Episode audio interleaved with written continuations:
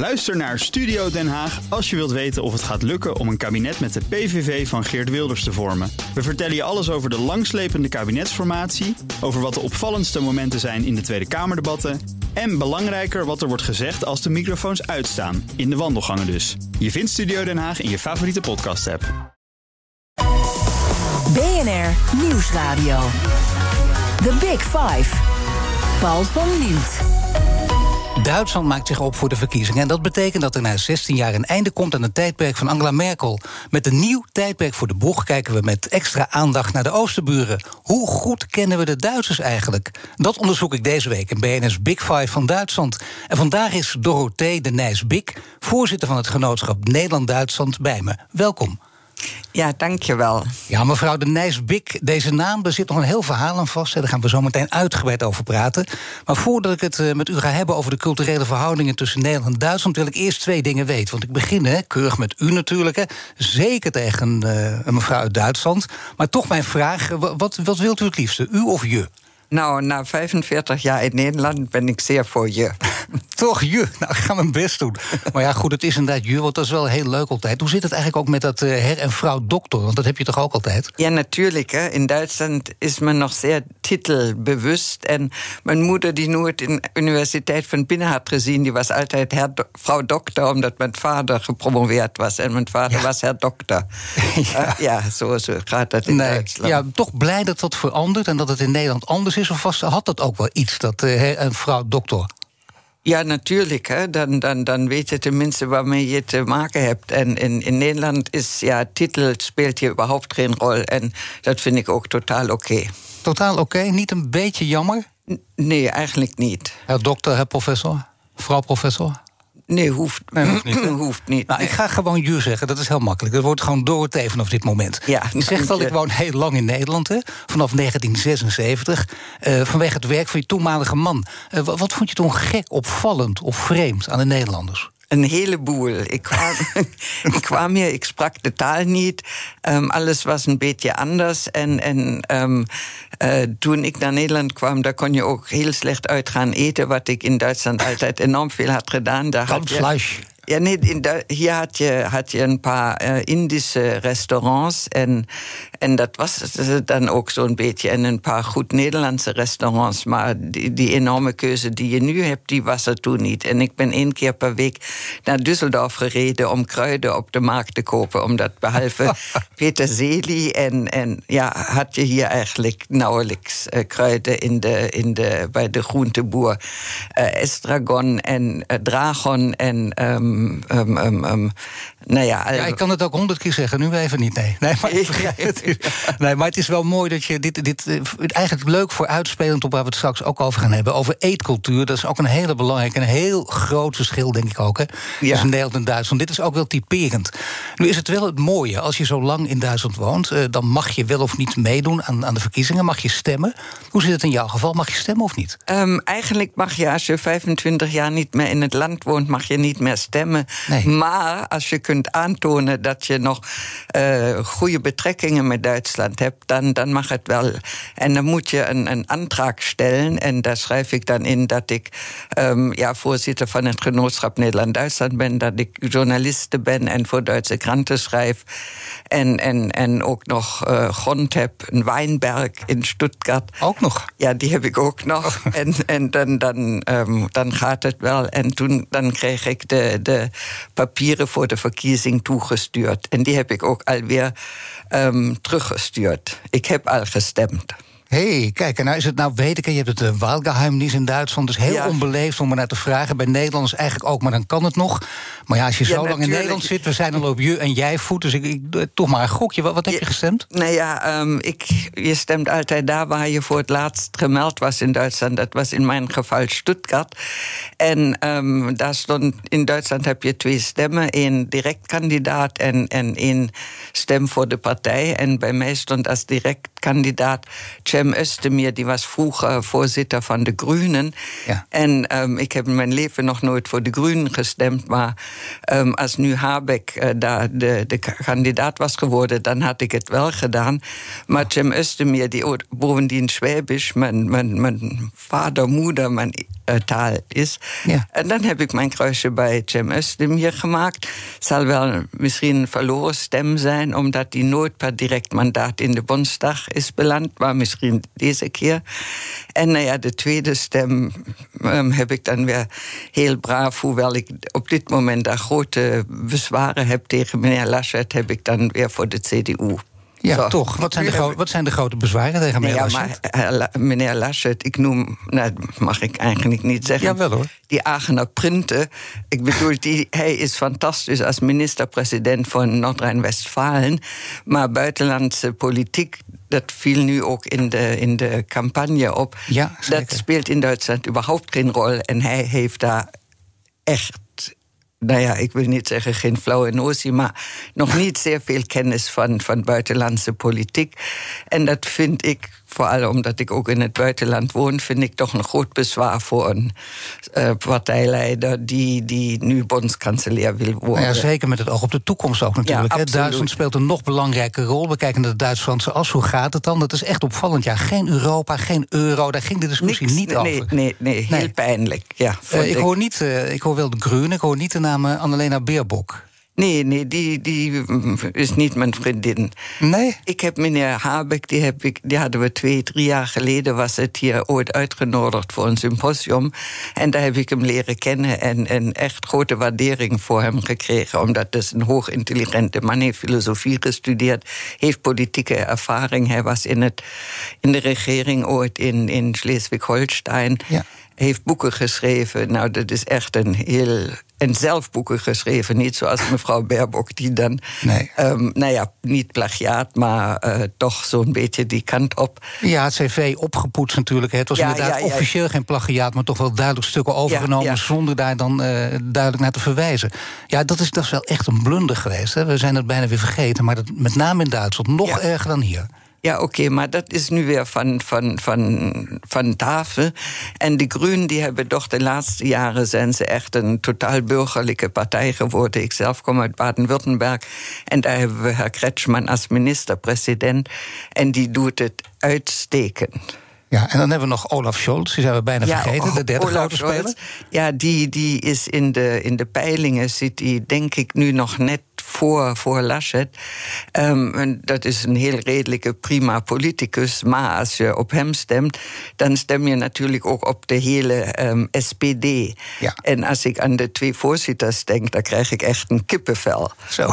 En, Het gebeurt ter plekke nu ook. Ik zie het, ja. Ja, op, hè. Ja, nou ja, ehm, dus die, die, die komt voor mij niet in vraag. Maar dat vind ik toch interessant, want dat, dat is wel een hele eh, behoorlijke fysieke reactie zelfs ook. Als je Ja, denkt. ja, waar, waar, waar komt dat vandaan? Waar, waar komt die, die, die Ja, neiging vandaan? die, die, die zijn, vind ik, buitengewoon onsympathiek en, en, en, en onovertuigend in, in de stellingen die ze verkondigen.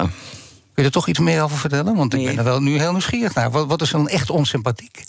Ja, ehm, ja nee, daar, daar, daar kan ik niet verder op ingaan. Nee, dat is te geheim eigenlijk. Ik vind ook, je moet weten wanneer je gewoon moet ophouden ook. Hè?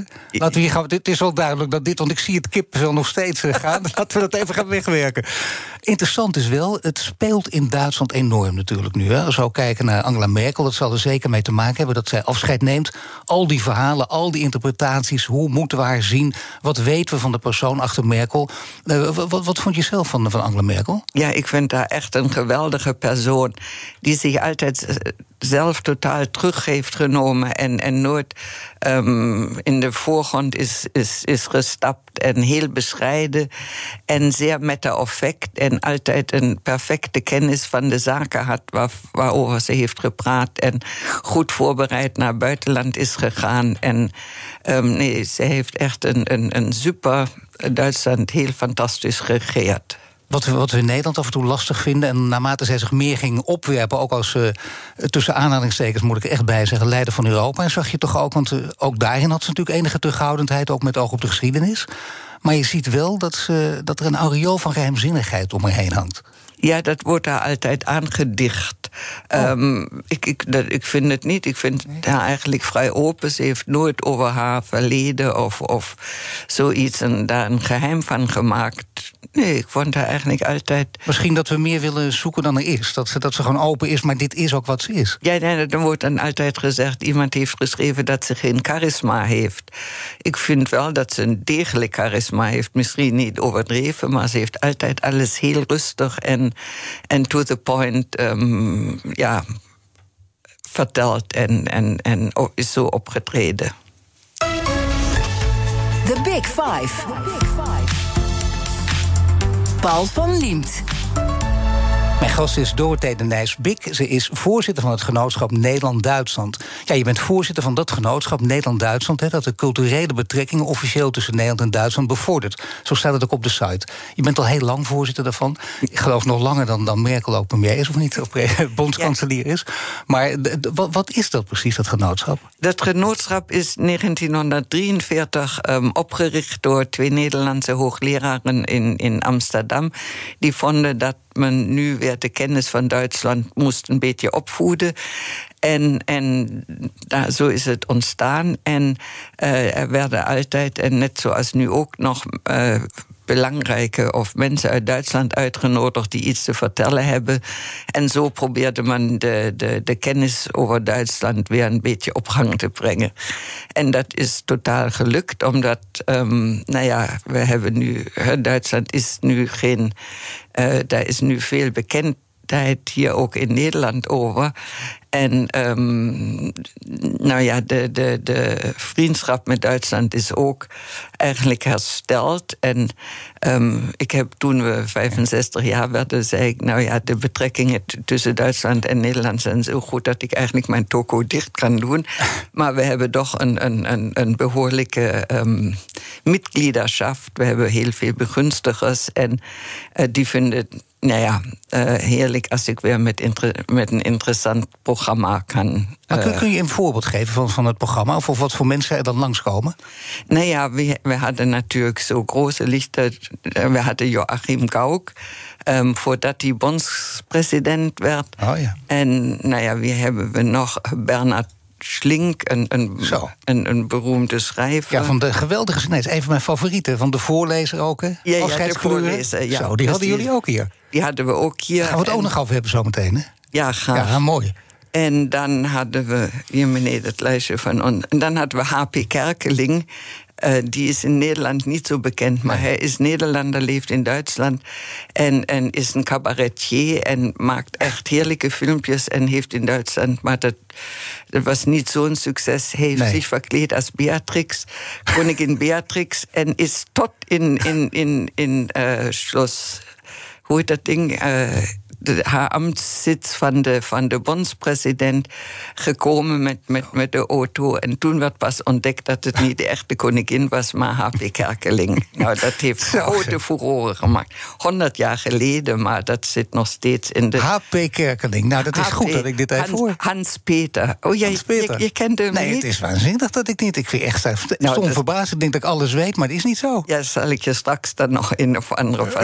Dat is echt een heel, heel gek figuur. Nou, doe het nu maar, want dat hebben we toch meteen over. Want Nee, al die en- clichés over Duitsers en humor en zo, dat blijkt gewoon niet waar te zijn. Hè? Nee, nee, also, nou ja, maar H.P. Kerkeling is Nederlander, hè, maar in Duitsland Ja, dat opgegroeid. Ja. ja, en, en hij is, is dan op een bepaald moment heeft die, eh, is die naar eh, Santiago Comp- Compostela ge, gepilgert. Oh. En daar heeft hij een boek geschreven, Ik ben dan mal weg.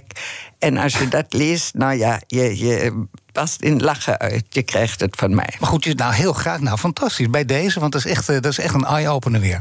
Dan heb je, eh, het is een Nederlander. En Duitsers en humor. Dat, eh, even een paar clichés op een reis. Ja. Duitsers en humor, dat gaat niet samen. Dat is toch iets wat ook in Nederland bijna van generatie op generatie doorgaat. Het is heel moeilijk om. Wij kunnen wel allerlei Amerikaanse comedians noemen.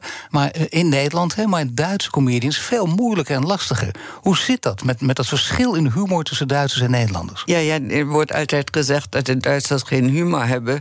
Dat klopt. In mijn ogen überhaupt niet. Nee. Ik heb een, een, een heel goed ontwikkelde sense of humor, vind Ja. ik altijd van Ja. mezelf. Maar de, de. Duitser die lacht niet zo snel als de Nederlander. Hè. In Nederland, ehm, als iemand een, grap maakt, hoe dan ook, dan wordt enorm gelachen. En het is een, een groot criterium. Die avond was een groot succes. We hebben zo gelachen. hè. In Duitsland speelt dat überhaupt geen rol. In Duitsland, daar, daar praat je met elkaar. En, en eh, nou, dan komen ook een paar grapjes. eh, Tussendoor gewoon heel veel van die slimme ja, grappen, ja. eigenlijk ook Maar- veel maar- subtieler ook. ja, subtieler. Hè? Omdat, ja, dat de subtiliteit, die, die vind ik, een beetje, heeft in Nederland een beetje gebrek aan. Hè? Dus alles Ja? een beetje bot en, en, en duidelijk en hahaha en hihihi.